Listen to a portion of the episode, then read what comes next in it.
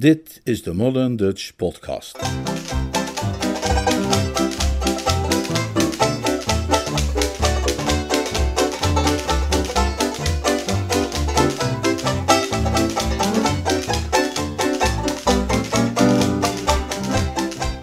Een man van eer. Een Jeeves-roman van P.G. Woodhouse, The Code of the Woosters. Vertaald en voorgelezen door Leonard Beug. There she is, there she is, there's what keeps me up at night. Oh gee whiz, oh gee whiz, there's why I can't eat a bite. Those flaming eyes, that flaming youth. Oh mister, oh sister, tell me the truth. Cause when I'm paddling, paddling home. Gee, when I'm paddling, paddling Hoofdstuk home. 1 Ik stak een hand onder de dekens uit en schelde om Jeeves. Eh, goedenavond, Jeeves. Goedemorgen, meneer. Die opmerking verraste mij. Is het ochtend dan? Ja, meneer. Weet je het zeker? Het lijkt me behoorlijk donker buiten. Er hangt een zware mist, meneer. Naar u zich zult herinneren, bevinden wij ons thans in de herfst. Het seizoen van nevelen en zoetrijpend fruit. Het seizoen van wat? Van nevelen, meneer, en zoetrijpend fruit. Oh, ja, ja, natuurlijk. Ja, maar goed, dat zal wel. Breng me alsjeblieft zo- zo'n oppeppertje van jou, wil je? Ik heb er een voor u gereed staan in de ijskast, meneer. Jeeves trok zich terug in het onzichtbare en ik ging moeizaam overeind zitten in bed met het onaangenaam gevoel, zoals je dat wel eens kunt hebben, dat je bijna doodgaat. De avond tevoren had ik in de Drones Club een dinertje gegeven voor Gussie Fink Nottel, om hem als het ware uit te zwaaien nu de dag naderde van zijn huwelijk met Madeline, de enige dochter van Sir Watkin Bassett CBE. En dat soort bijeenkomsten gaat een mens niet in de koude kleren zitten.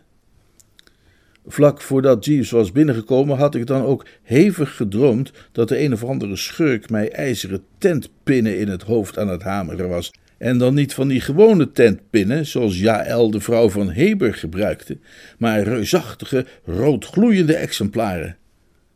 Jeeves keerde terug met het weefselherstellende preparaat. Ik sloeg het gezwind achterover.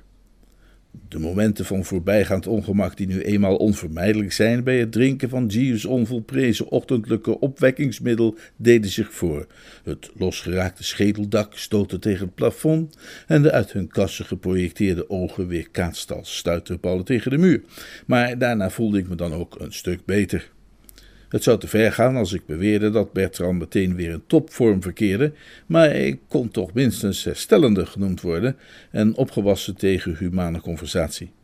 Ha, zei ik, ha, terwijl ik de oogappels voorzichtig terugduwde op hun plek. Eh, zeg eens, Jeeves, hoe staat het er eigenlijk mee in de wereld? Is dat de krant die je daar in de hand hebt? Nee, meneer. Dit is wat informatiemateriaal van het reisbureau. Ik meende dat u daar wellicht een blik op zou willen werpen. Oh ja, zei ik. Meende jij dat? Kijk, kijk. En daarop volgde een korte, pregnante stilte. Eh, wanneer pregnant hier inderdaad betekent wat ik ermee bedoel. Ik neem aan dat overal waar twee mannen die allebei een ijzeren wil bezitten langdurig in elkaars nabijheid verkeren, er vanzelfsprekend zo nu en dan botsingen ontstaan. Een dergelijke botsing had zich in elk geval recentelijk voorgedaan in Huizen Woester. Jeeves probeerde mij ertoe over te halen een cruise rond de wereld te maken, maar ik voelde daar helemaal niets voor. Ik was daar volkomen duidelijk over geweest, maar desondanks ging er vrijwel geen dag voorbij of hij bracht mij een complete bundel, dan wel een uitgelezen boeket van kleurige folders waarmee de erkende reisbureaus klanten proberen te winnen. Zijn gedrag deed mij onontkoombaar denken aan dat van zo'n overijverige hond die elke ochtend weer een vette rat op het tapijt voor de haard komt deponeren, ook al is hem honderd keer in woord en gebaar nadrukkelijk duidelijk gemaakt dat de vraag naar vette ratten gering is, zo niet non-existent. Jeeves, zei ik, dit moet nu toch echt een keer afgelopen zijn. Het reizen, meneer, is bijzonder leerzaam. Ja, Maar ik heb meer dan genoeg geleerd, Jeeves. Ik kan al jaren niets meer bij. Nee, Jeeves, ik, ik weet heus wel wat het is met jou. Jouw zilte vikingbloed begint weer eens te bruisen. Jij stakt naar de golven en naar die zucht van de ziedende zee. Hè? Jij ziet jezelf al over het dek paraderen met een zeemanspet op het hoofd. Misschien heeft iemand jou ook wel spannende verhalen verteld over Balinese schonen en Zuidzee-danseressen. En dat begrijp ik wel. En ik heb er alle sympathie voor. Maar dat is niks voor mij. Ik weiger mij aan boord van zo'n verdomde heen en weerboot te laten hijsen om de hele wereld te worden rondgezeuld. Uitstekend, meneer. Er klonk iets van je weet wel in zijn stem. En het was duidelijk dat hij misschien wel niet echt misnoegd was, maar toch zeker ook niet noegd. Ik veranderde dus tactvol van onderwerp. God, Jeeves, dat was gisteravond een alleraardigste festiviteit, mag ik wel zeggen. Werkelijk, meneer. En of, iedereen heeft zich uitstekend vermaakt. Ik moest je de groeten overbrengen van Gussie. Ik stel die geste bijzonder op prijs, meneer. De heer Finknottel moet stellig in zijn nopjes zijn geweest. Oh, buitengewoon. Vooral gezien het feit dat zijn uren zijn geteld en hij binnenkort Sir Watkin Bassett tot schoonvader zal hebben. hij liever dan ik, Jeeves, hij liever dan ik. Ik meende volledig wat ik zei en ik zal u vertellen waarom. Een paar maanden eerder werd ik tijdens de nachtelijke viering van de jaarlijkse grote roeiwedstrijd door de machtige arm der wet aangehouden wegens een poging een politieman van zijn helm te ontdoen en na een onrustige nacht op een houten brits voor het gerecht gesleept in Bosher Street, waar ik tot een boete van vijf eerlijk verkregen ponden werd veroordeeld. De politierechter die mij die monsterlijke boete oplegde, en zijn uitspraak vergezeld deed gaan van een aantal, ik mag wel zeggen, uiterst grievende opmerkingen, was niemand anders dan diezelfde oude Bassett, de vader van Gussie's aanstaande. Achteraf bleek dat ik een van zijn laatste klantjes was geweest, want een paar weken later erfde hij een zak met geld van een verre bloedverwant en verhuisde naar een stil plekje op het platteland. Dat was althans het officiële verhaal. Als je het mij vraagt, is hij aan zijn centjes gekomen door gewoonweg jarenlang al die boetes in zijn zak te steken. Vijf pond hier, vijf pond daar, eh, dat telt lekker aan in de loop van de jaren. Jij herinnert je die kribbenbijter toch ook nog wel, Jeeves? Een kille, hardvochtige man, of niet soms? Wellicht is Sir Watkin als privépersoon minder schrikwekkend, meneer. Dat betwijfel ik zeer. Eens een mispunt, altijd een mispunt. Een kwal is een kwal, hoe je hem ook doorsnijdt. Maar genoeg over die Bassett. Uh, was er nog post? Nee, meneer. En er heeft ook niemand opgebeld? Toch wel, meneer. Mevrouw Travers, meneer. Tante Dalia, is die dan weer terug in de stad? Ja, meneer.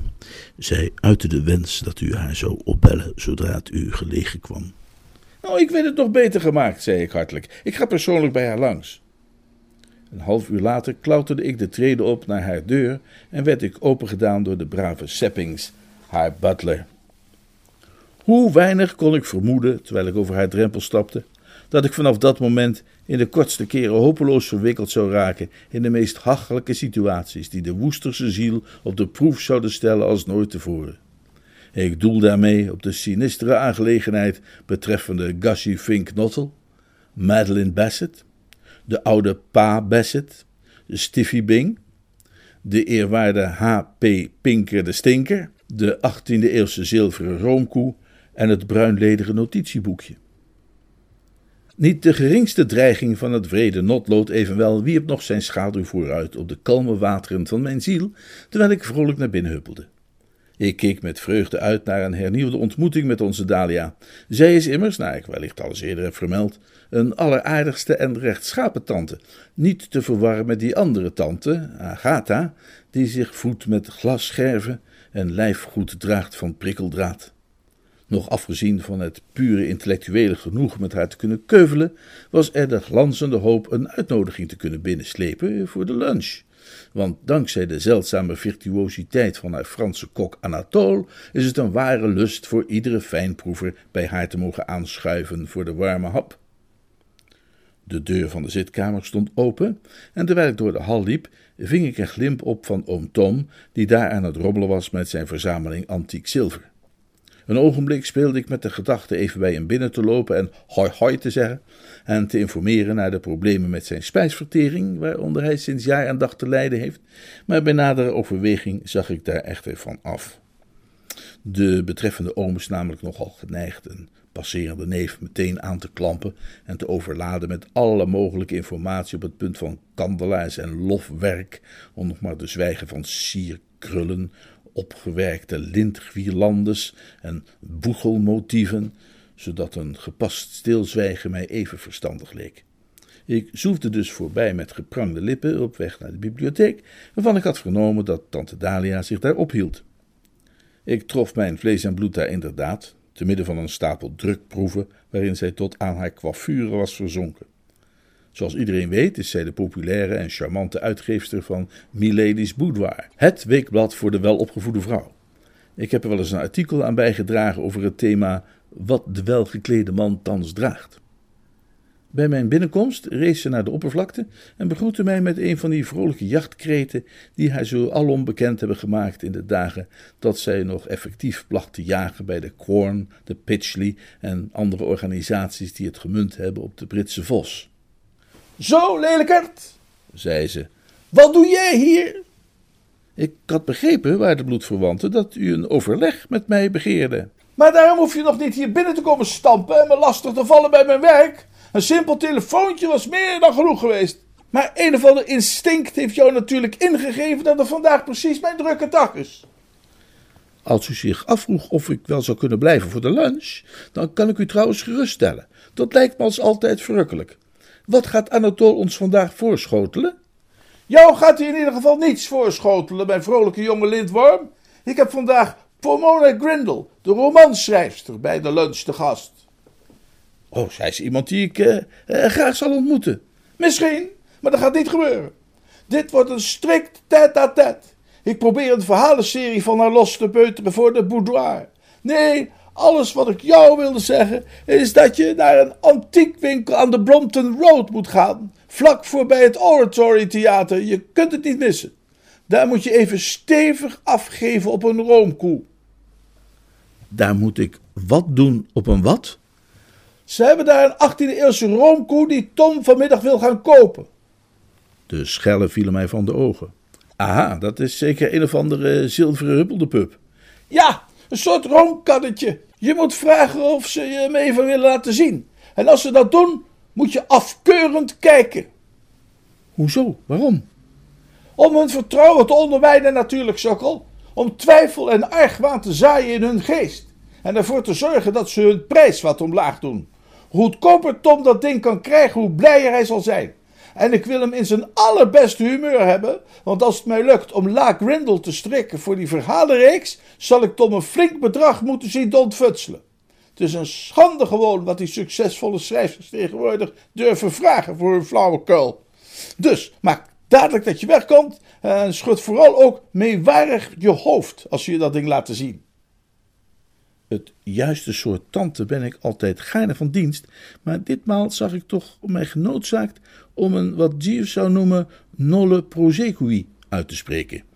Zijn levensreddende ochtendbrouwsel heeft weliswaar een schier magisch effect, maar zelfs na inname daarvan blijft het onverstandig zomaar met de knar te gaan schudden. Spijt me, maar de knar schudden is er niet bij. Vandaag even niet. Ze staarde me aan met kritisch opgetrokken rechterwenkbrauw. Oh, zit het zo? Nou, in dat geval, als jouw walgelijke uitspattingen je verhinderen je hersens te bewegen, dan moet je je maar beperken tot het optrekken van de neus. Gaat dat lukken? Jawel, tante. Mooi zo. En dan adem je vervolgens in met een fluitend geluid. Lukt dat? En je klikt een paar keer met de tong. En oh ja, dan zeg je daarna dat dat ding volgens jou Nieuw-Hollands is. Hoezo? Ja, dat weet ik niet. Maar het is kennelijk iets wat een roomkoe niet hoort te zijn. Ze zweeg een ogenblik en liet haar blik bedachtzaam over mijn wellicht inderdaad nog wat lijkkleurige gelaat dwalen. Dus jij hebt gisteravond weer eens de bloemetjes buiten gezet. Jij bent toch ook een echte pimpelmees?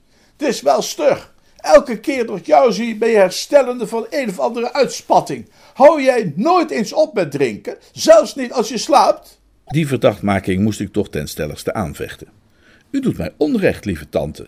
Afgezien van speciale festiviteiten en gelegenheden ben ik uitzonderlijk gematigd waar het alcoholische consumpties betreft. Een cocktail of twee, een glaasje wijn aan tafel en misschien een pittig slokje bij de koffie, dat is het wel voor Bertram Wooster. Maar gisteravond had ik een vrijgezellenavondje georganiseerd voor Gussie Fink Nottel. Kijk eens aan! Ze lachte een tikje luider dan ik in mijn nog wat kwetsbare gezondheidstoestand eigenlijk op prijs kon stellen. Maar zij is nu eenmaal een vrouw die al gauw de kalk van het plafond doet vallen wanneer zij zich amuseert. Die spinkbottel, hè? Nou, mijn zegen heeft hij. Hoe gaat het met onze salamandervriend? Redelijk puik. Heeft hij een speech gehouden tijdens jullie orgie? Ja, vreemd genoeg wel. Ik had helemaal verwacht dat hij dat blozend zou weigeren. Maar nee hoor. We dronken op zijn gezondheid en hij stond op, koel als de komkommers, zoals Anatole zou zeggen, en hield een fascinerend verhaal, eerlijk. Zo dronken als een kanon, neem ik aan. Integendeel, schandalig nuchter zelfs. Nou, dat is dan weer eens wat anders. Er viel een bedachtzame stilte. We dachten allebei aan die zomermiddag in het dorp nabij Tantes eh, buitenhuis in Worcestershire, waar Gussie door een uitzonderlijke samenloop van omstandigheden tot achter de tanden volgegoten met spirituosa de jeugdige pupillen van het Market Snodsbury Lyceum ooit had toegesproken ter gelegenheid van de jaarlijkse prijsuitreiking. Wat ik nu nooit precies weet wanneer ik een verhaal wil gaan vertellen over iemand die ik wel eens vaker ter sprake heb gebracht, is hoeveel informatie ik er dan aan het begin in moet gooien. Dat is een probleem waar je van verschillende kanten naar kunt kijken. Ik bedoel, in dit geval bijvoorbeeld, als ik aanneem dat mijn publiek al alles weet over Gussie Fink Nottel en gewoon maar begin, dan tasten de mensen die bij de vorige gelegenheid toevallig niet aan mijn lippen hingen opeens in het duister, terwijl als ik nu eerst acht hoofdstukken ga wijden aan Smans leven en werken, die andere figuren, die dus wel aan die lippen hingen, beginnen te gapen en dingen gaan roepen als ouwe koek en schiet toch eens op. Ik vrees dat het enige wat ik kan doen, is de essentiële feiten zo beknopt mogelijk uiteenzetten ten behoeve van de nieuwkomers, met een verontschuldigend gebaar naar de anderen om aan te duiden dat zij de komende minuten beter even iets voor zichzelf kunnen gaan doen en dat ik zo weer bij ze ben. Die Gussie, waar ik het over had, is een kameraad van mij, een jongen met een nogal visachtige gelaatsexpressie die zich uh, sedert het bereik van de jaren des onderscheids begraven heeft op het platteland, ten einde zich geheel en al te wijden aan de bestudering van watersalamanders. Hij houdt die beestjes in glazen bakken, zodat hij hun gedragingen met nijvere blik in de gaten kan houden. Een verstokt anagoreet zou je hem genoemd hebben, als je dat woord toevallig had gekend, en daar zou je dan groot gelijk in hebben gehad. Naar alle regels der logica behoorde hij zonder meer tot de minst waarschijnlijke types waar het gaat om het fluisteren van lieve woordjes in albaster oortjes en de daaropvolgende aanschaf van gouden ringen en bruidssuikers. Maar de liefde overwint tenslotte toch altijd. Toen hij op een dag Madeline Bassett tegenkwam, was onze Gussie onmiddellijk verkocht en kon niet meer worden geruild. Hij kwam uit zijn schuilhoek tevoorschijn, begon een veroveringsoffensief vol Gussiaanse perikelen, maar wist tenslotte te scoren. En nu stond hij dus op de rol om binnen afzienbare tijd gehuld in streepjesbroek en hoge hoed naar het altijd te schrijden met die hopeloze troela aan zijn arm. Als ik haar een hopeloze troela noem, dan is dat omdat zij een hopeloze troela is. Wij woesters zijn hoofs en ridderlijk van aard, maar komen waar nodig onverbloemd voor onze mening uit. Madeline is een schoolvoorbeeld van het druilerige, zoetsappige, sentimentele type, compleet met smeltende blik en tortelend stemgeluid en de zonderlingste opvattingen over dingen als sterren en konijnen. Zo heeft ze mij eens verteld dat konijntjes in feite dwergjes zijn uit de hofstoet van de elfenkoningin en dat de sterren het bloemenkransje zijn van God. Volstrekte onzin natuurlijk, dat zei ze helemaal niet. Tante Dalia liet een diep rommelend gegrinnik horen, want die speech van Gussie in Market Snodsbury behoorde tot haar gelukkigste herinneringen. Die bovenste beste spinkbottel, waar hangt hij op het moment uit?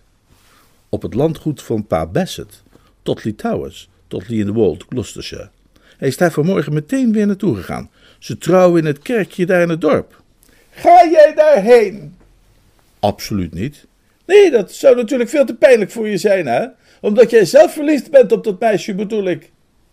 Ik staarde haar verbijsterd aan. Verliefd? Ik? Op een meisje dat denkt dat er een kindje wordt geboren elke keer dat een elf jaar neusje snuit? Nou ja, je bent tenslotte met haar verloofd geweest. Ja, een minuut of vijf, hè? En volkomen buiten mijn schuld. Mijn beste oude bloedverwant, zei ik getergd. U kent maar al te goed de precaire achtergronden van die gruwelijke geschiedenis. Ik huiverde. Het betrof hier een incident uit mijn biografie waar ik niet graag aan terugdacht. Kort gezegd was dit wat er had plaatsgevonden. Gussie had, ongetwijfeld door zijn langdurige omgang met watersalamanders, last van zwakke zenuwen en durfde daardoor niet aan Madeleine Bassett ten huwelijk te vragen. Daarom had hij mij gevraagd een goed woordje voor hem te doen. Maar toen ik dat deed, dacht het stomme kind dat ik om haar hand vroeg, voor mijzelf. En het resultaat was dat zij na die beschamende vertoning tijdens de prijsuitreiking het uitmaakte met Gussie en voor mij koos. En ik had natuurlijk geen andere mogelijkheid dan me bij het ergste neer te leggen. Ik bedoel, als een meisje het in haar malle harses heeft gehaald dat je hoog tot de bodem van haar bent en ze komt je vertellen dat ze haar verkering aan de kant heeft gezet en nu met jou in het bootje wil stappen, wat kun je dan doen? Gelukkig is alles ter elfder uren nog in orde gekomen, doordat die twee druiven uiteindelijk toch weer vrede sloten. Maar ik huiverde nog altijd als ik alleen maar terugdacht aan die momenten van levensgevaar. Ik zou pas werkelijk gerust zijn op het moment dat de priester gevraagd had: Wat is daar op uw antwoord, Augustus? En Gussie een schuchter ja had gefluisterd. Ik weet niet of het je interesseert, zei tante Dalia. Maar ik ben zelf ook niet van plan die bruiloft te gaan bijwonen. Ik heb een gruwzame hekel aan Sir Watkin Bassett. En ik vind niet dat die man wat voor steun dat ook verdient. Wat een vreselijke kerel is dat. U kent die oude lastpak ook? vroeg ik verbaasd. Hoewel het natuurlijk maar weer eens aantoonde hoe waar het is wat ik altijd beweer, namelijk dat het een kleine wereld is. Ja, ik ken hem. Het is een vriend van Tom. Ze verzamelen allebei antiek zilver en gaan daar voortdurend over tegen elkaar te keer als wolven. Vorige maand logeerde Bassett bij ons op Brinkley en wil je weten hoe hij zijn dankbaarheid toonde voor alle goede zorgen die ik als gastvrouw aan hem had besteed? Hij heeft stiekem achter mijn rug om geprobeerd om Anatole bij mij weg te lokken. Nee, heus? Jawel, dat heeft hij gedaan.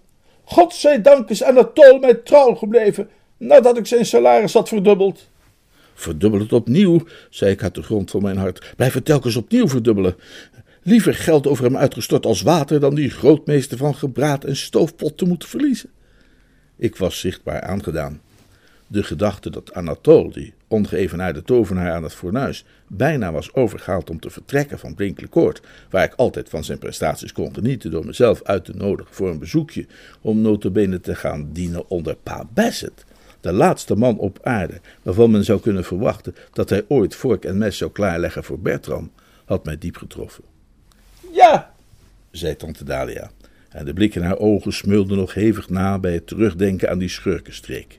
Zo zie je maar weer wat een achterbakse ladelichter die Sir Watkin Bassett is. Waarschuw Spink Bottle maar vast dat hij goed op zijn spulletjes let tijdens de trouwdag. Eén moment van onoplettendheid en die overjarige vandaal gaat er al in de sacristie vandoor met zijn dasspeld. Nou, en nu opgeroepeld zei ze, terwijl ze greep naar iets dat eruit zag als een weldoorvrocht artikel over de hygiënische verzorging van zieke en gezonde peuters. Ik heb nog tonnen aan drukproeven te corrigeren. En oh ja, geef dit aan Jeeves als je hem ziet. Het is een stuk voor de rubriek voor uw echtgenoot. Het staat vol allerlei geheimtaal over al dat dit glanzende biezen langs de pantalons bij avondkleding voor heren. Uh, laten we daar alsjeblieft eens naar kijken. Ik heb van dat soort dingen geen verstand. Voor hetzelfde geld is het pure communistische propaganda. En wat dat klusje betreft, zorg dat je dat niet verprutst. Herhaal nog eens in je eigen woorden wat je nu precies moet doen. Nou, ik ga naar die antiekwinkel. Op de Brompton Road. Op, zoals u zegt, de Brompton Road. En ik vraag naar die roomkoe.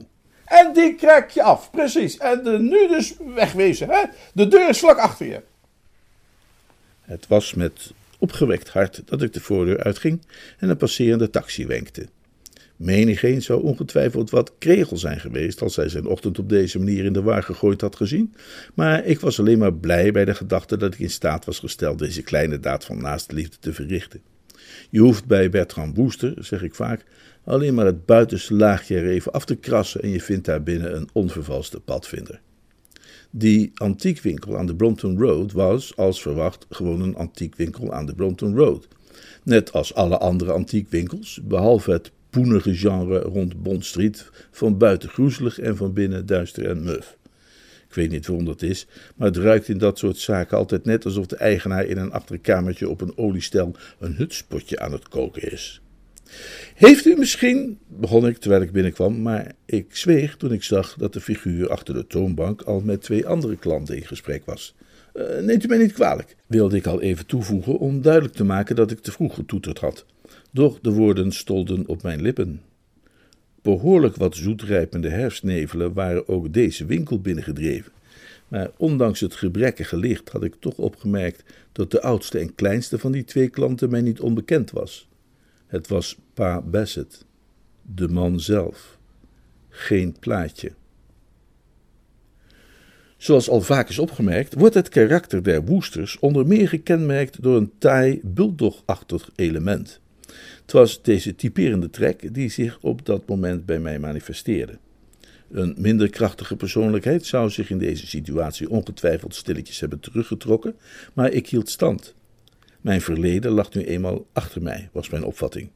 Door die vijf pond op te hoesten had ik mijn schuld aan de maatschappij voldaan en had ik van dat twijfelachtige mannetje met zijn garnale gezicht niets meer te vrezen. Ik bleef dus staan waar ik stond en bekeek hem steels van een afstandje. Toen ik binnenkwam had hij zich omgedraaid en een snelle blik op mij geworpen. Daarna bleef hij echter telkens zijdelings naar mij gluren. Het kon volgens mij dan ook niet anders dan een kwestie van tijd zijn voordat die verborgen snaar in zijn geheugen geraakt zou worden en hij zou gaan beseffen dat de keurig ogende slanke jongeling die daar op de achtergrond op zijn paraplu stond te leunen, een oude bekende van hem was. En inderdaad werd het na enige tijd duidelijk dat het kwartje gevallen was. Toen de antiekwinkelier zich even elders in het pand terugtrok om iets te zoeken, stapte hij op mij af. Hij bekeek mij nieuwsgierig van top tot teen door zijn multifocale voorruiten. Hallo, hallo, zei hij. Ik ken jou ergens van, jongman. Ik vergeet nooit een gezicht. Ik heb je wel eens in het verdachtebankje gehad. Ik boog even beleef. Juist, maar geen twee keer, hè? Heel goed. Jij hebt je lesje geleerd dus. Op het rechte pad nu, hè? Geweldig. Ik denk even na, eh, was het ook weer voor? Niet zeggen, niet zeggen, het schiet me zo weer te binnen. Ach, ja, natuurlijk, tasjesroof. Nee, nee, het was tasjesroof, herhaalde hij koppig. Ik herinner het me precies.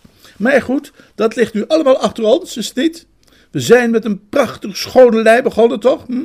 Heel mooi, heel mooi. Roderick, kom eens even hier. Ik heb hier een heel interessant geval. Zijn maatje, dat een zilveren dienblad had staan bekijken, legde dat neer en voegde zich bij ons. Zoals ik al gelegenheid had gehad om op te merken, bezat deze andere vogel een werkelijk adembeklemmende gestalte. Een goede 2 meter tien lang en gehuld in een geruite overjas die hem zo'n anderhalve meter breed deed lijken, trok hij niet alleen sterk de aandacht, maar wist hij die ook te behouden. Het was alsof de natuur van plan was geweest een gorilla te creëren, maar op het laatste moment van gedachten was veranderd. Het waren overigens niet alleen zijn buitengewone afmetingen die indruk maakten. Wat misschien nog sterker opviel, was zijn gezicht, dat krachtig en hoekig was uitgevoerd en naar het midden toe licht besnord. Zijn blik was scherp en doordringend. Ik weet niet of u wel eens afbeeldingen hebt gezien in kranten en tijdschriften van dictators met geheven kin en felle gloeiende blik, die het volk met vurige woorden doen ontvlammen bij de opening van een nieuwe kegelbaan of iets dergelijks, maar dat was waar hij mij aan deed denken. Roderick, zei de oude Bassett, ik wil je even voorstellen aan deze knaap hier. Hij is een geval dat volkomen illustreert wat ik al zo vaak heb beweerd: dat een verblijf in de gevangenis allerminst een negatieve invloed heeft, maar karakterversterkend werkt en de mens in staat stelt om op de puinhopen van een grauw verleden te bouwen aan een stralend heden. Ik herkende dat versje, het was er een van Jesus, en ik vroeg mij af waar hij het kon hebben gehoord. Ah, bekijk maar nou eens die kerel, hè. Nog niet zo lang geleden heb ik hem drie maanden gegeven voor het roven van tasjes op stations. Het is overduidelijk dat de tijd die hij in de gevangenis heeft doorgebracht een voortreffelijke uitwerking op hem heeft gehad. Hij is een herschapen mens. Oh ja, reageerde de dictator. Ik geef toe dat het niet een voluit snierend oh ja joh was, maar toch beviel zijn manier van spreken me niet. Hij keek me aan met een akelig soort hooghartige uitdrukking in zijn ogen. Ik dacht nog, die figuur zou nou precies de goede geweest zijn om een roomkoe af te kammen. Hoezo denk jij dat hij herschapen is? Natuurlijk is hij herschapen. Je hoeft maar naar hem te kijken. Keurig verzorgd, keurig gekleed, beschaafd lid van de samenleving. Ik weet niet wat hij tegenwoordig doet voor de kost, maar het is volkomen duidelijk dat hij in elk geval geen tasjes meer steelt. Uh, Wat doe jij tegenwoordig, jongeman? Hij steelt uh, paraplu's kennelijk tegenwoordig, zei de dictator. Ik zie tenminste dat hij die van jou in zijn handen heeft. Ik stond op het punt om die vuige beschuldiging met kracht te ontkennen. Ik had met dat doel mijn mond zelfs al geopend, toen ik plotseling als door een dreun met een ploertedoder op het bovenkaaksbeen getroffen werd door het feit dat hij voor een goed deel gelijk had. Ik bedoel, dat ik mij opeens herinnerde dat ik zonder paraplu was uitgegaan, maar desondanks nu onmiskenbaar tot de tanden was bewapend met paraplu's. Ik weet niet waarom ik het exemplaar had beetgepakt dat daar tegen een 17e-eeuwse stoel geleund had gestaan, anders dan door het oerinstinct waarmee een parapluloze heer als vanzelf zijn hand uitsteekt naar het eerste het beste regenscherm waar zijn oog op valt, zoals een bloem reikt naar de zon. Een volmondig excuus leek op zijn plaats en dat sprak ik dan ook uit, terwijl ik het instrument overhandigde. Neem me niet kwalijk, zeg, het spijt me toch verschrikkelijk. De oude Bassett zei dat het hem ook speet, maar toch vooral heel droevig maakte. Het was dit soort dingen, zei hij, dat hem telkens weer ontgoochelde en teleurstelde. De dictator moest ook zo nodig een duit in het zakje doen. Hij vroeg of hij niet een politieagent moest roepen. De ogen van de oude Bassett lichten heel even op. Een politierechter vindt het natuurlijk heerlijk om een agent te kunnen roepen. Zo'n beetje het gevoel dat een tijger krijgt als hij bloed proeft. Maar hij schudde zijn hoofd. Nee, Roderick, ik zou niet kunnen, niet vandaag, op de gelukkigste dag van mijn leven. De dictator kneep zijn lippen op elkaar. Het zou de dag juist helemaal afmaken, zag je hem denken. Maar, maar, maar, maar luister nou toch, blaatte ik intussen. Dit, dit, is, dit is gewoon een vergissing. Ja, ja, zei de dictator. Ik dacht dat het mijn eigen paraplu was. Dat, zei de oude Bassett, is nu juist het fundamentele probleem met jou, jongeman. Dat het verschil tussen mijn en dijn jou volledig ontgaat. Ik zal je deze keer niet laten arresteren, maar ik raad je aan om verder heel, heel voorzichtig te zijn. Kom mee, Roderick. Ze gingen er vandoor, waarbij de dictator in de deuropening nog even bleef staan om mij een vernietigende blik toe te werpen bij een herhaald ja, ja. Naar u zich kunt indenken, vormde dit alles een bijzonder nare ervaring voor iemand met mijn gevoelige natuur, en in een eerste reactie neigde ik er dan ook toe om tante Dalia's opdracht verder te laten voor wat die was en terug te gaan naar huis voor een tweede portie van Jeeves' speciale opkikker. U weet zelf hoe het heigend hert der jacht ontkomen schreeuwt het genot der frisse waterstromen. Iets in die geest. Ik besefte nu hoe onverstandig het was geweest om mij in het Londense gevoel te wagen met slechts één dosis achter de knopen, en ik stond op het punt om te verdampen en terug te keren tot de bron, toen de antiquair uit zijn achterkamer opdook, vergezeld van een sterke hutspotgeur en een rossige kat, en informeerde wat hij voor mij kon doen. Nu hij dat zo ter sprake bracht, zei ik dat ik had gehoord dat hij een 18e-eeuwse roomkoe te koop had. Hij schudde het hoofd. Hij was een nogal schimmelig type met een somber gezicht dat vrijwel geheel schuil ging achter een waterval van witte bakkenbaarden. U bent te laat, meneer. Die is al beloofd aan een klant. Uh, met de naam Travers wellicht? Ja, ja. Ah, maar dan is het in orde. Verneem dan, gij met uw schuldeloos gelaat en goede luim, zei ik, want ik ben graag beleefd, dat de voornoemde Travers mijn oom is. Hij heeft me hierheen gestuurd om het ding te bekijken. Graaf het dus alstublieft voor me op, ik durf te wedden dat het niet veel zaaks is. Het is een prachtige roomkoe. Ja, ja, zei ik met een toepasselijk citaat van de dictator. Dat vindt u misschien. We zullen zien. Ik geef graag toe dat oud zilver mij persoonlijk niet erg boeit. En hoewel ik hem nooit heb willen kwetsen door dat tegen hem te zeggen, heb ik die liefhebberij van oom Tom altijd beschouwd als een bewijs van beginnende hersenverweking en iets dat hij maar beter goed in de gaten zou kunnen houden voordat het erger wordt. Ik had dus al niet verwacht dat mijn hart een sprongetje zou maken bij het zien van het betreffende curiosum. Maar toen Kabouter Bakkerbaard met het ding van achter de coulissen tevoorschijn kwam, wist ik eigenlijk niet of ik nu moest lachen of huilen. Het idee dat ik een oom had die bereid was goed geld neer te leggen voor een dergelijk product trof mij pijnlijk. Het was een zilveren koe, maar als ik koe zeg, mag u daarbij vooral niet denken aan het soort brave, respectabele herkauwer zoals u dat in, in elk mals weiland gras kunt zien verstouwen. Nee, nee, dit was een soort boosaardig grijnzend gedierte uit het schimmerrijk, met een blik alsof het voor een stuiver bereid was om gif in je thee te doen. Het was zowat zes centimeter hoog en tien centimeter lang. Midden op zijn rug zat een luikje en zijn staart krulde met een boogje terug en vormde zo'n klein handvat ten behoeve van de roomliefhebber. De aanblik van het geheel verplaatste mij in een ander, angstaanjagend universum. Het werd daardoor wel erg gemakkelijk om mij te kwijten van de taken die tante Dalia mij had opgelegd. Ik tuitte de lippen en klikte in dezelfde beweging met de tong. Ook zoog ik mijn adem met een fluitend geluid naar binnen. De totale indruk die dat wekte was die van een man die absoluut niet de geringste sympathie voelde voor deze roomkoe, en ik zag hoe het schimmelige baasje opschrok als had ik hem op een pijnlijk plekje geraakt. Och, gutte, gutte, gut, zei ik. Ach, ach, ach, ach, ach. Nee, nee, nee, nee, nee. Dit, dit, dit, dit vind ik echt helemaal niks, zei ik, tuitend en klakkend dat het een lieve lust had. Dit is helemaal verkeerd. Helemaal verkeerd? Helemaal verkeerd. Dit is Nieuw-Hollands. Nieuw-Hollands? Ik weet niet of hij ook letterlijk schuimbekte. Het kan zijn van wel, het kan zijn van niet. Maar het was in elk geval een intens psychisch lijden dat ik hem had aangedaan, kennelijk. Hoe bedoelt u Nieuw-Hollands? Dit is 18e eeuws Engels. Kijkt u maar naar het zilverkeur. Ik zie helemaal geen zilverkeur. Bent u soms blind? Hier, loopt u er even mee naar de straat, daar is het lichter. Oké, zei ik, en ik liep naar de deur, aanvankelijk met de licht verveelde pas van de kenner die van mening is dat men hier zijn tijd verknoeit. Ik zeg aanvankelijk, omdat ik na een paar passen helaas over de kat struikelde, en het is nu eenmaal heel lastig om een verveelde slenterpas te combineren met het struikelen over katten. Ik schoot abrupt in een hoge versnelling en schoot de deur uit met de vaart van iemand die na een beroving, achtervolgd door de politie, naar de vluchtauto rent. De roomkoe schoot uit mijn handen en er was een geluk dat ik halverwege het trottoir tegen een medeburger opbotste, want anders was ik met een smak in de goot terechtgekomen. Nou ja, het was niet helemaal geluk, bleek, want die medeburger was Sir Watkin Bassett. Hij stond mij aan te staren met afschuw en verontwaardiging glanzend achter zijn pens nee, en je zag hem al bijna op zijn vingers het aantal strafpunten tellen. Eerst tasjesroof, wil ik maar zeggen, vervolgens paraplu-diefstal en nu dit weer. Zijn hele houding was die van de man die aan de laatste strohalm toe is.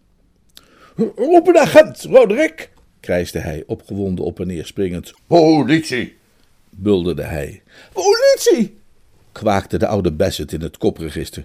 Politie, voegde de dictator eraan toe in een donderende baspartij. En even later doemde er iets breeds op uit de mist en zei: Wat zijn wij aan het doen? Nu had ik het natuurlijk allemaal best uit kunnen leggen als ik was gebleven en er even voor was gaan zitten, maar ik had helemaal geen zin om te blijven en even voor te gaan zitten. Na een handige schijnbeweging zette ik het op een lopen en was als de wind verdwenen. Een stem riep: Stop! Maar dat deed ik natuurlijk niet. Stel je voor stoppen, dat was uiteraard geen optie. Ik spurte door steegjes en zijstraatjes totdat ik uiteindelijk ergens in de buurt van Sloane Square uitkwam. Daar stapte ik in een taxi om terug te keren naar de beschaafde wereld. Mijn oorspronkelijke bedoeling was om naar de Drones Club te gaan en daar een hapje te lunchen. Maar ik was nog niet ver toen ik begon te beseffen dat ik daar eigenlijk even niet aan toe was. Ik doe voor niemand onder in mijn waardering voor de Drones Club, met zijn sprankelende conversatie, zijn camaraderie, zijn evocatie van al het goede en schone dat een wereldstad te bieden heeft, maar ik wist dat er aan de lunchtafel ook ongetwijfeld weer heel wat met brood gesmeten zou worden, en ik was op dat moment niet opgewassen tegen langsuizende harde bolletjes. Ik paste dus razendsnel mijn krijgsplan aan en vroeg de chauffeur mij naar het dichtstbijzijnde Turkse badhuis te brengen. Voor een Turks badhuis neem ik altijd nogal de tijd en het begon dus al aardig wat later te worden toen ik huiswaarts keerde. Ik had kans gezien om twee of drie uur te slapen in mijn hokje en dat samen met de heilzame activiteit van de zweetklieren en een frisse duik in de koele kuip had de blosjes weer rijkelijk op mijn wangen teruggebracht. Het was dan ook vrijwel met een vrolijk tralala op de lippen dat ik de deur open sleutelde en mijn zitkamer binnenstapte. Het volgende ogenblik werd van mijn goede humeur echter de hoofdkraan dichtgedraaid door de aanblik van een stapel telegrammen op tafel.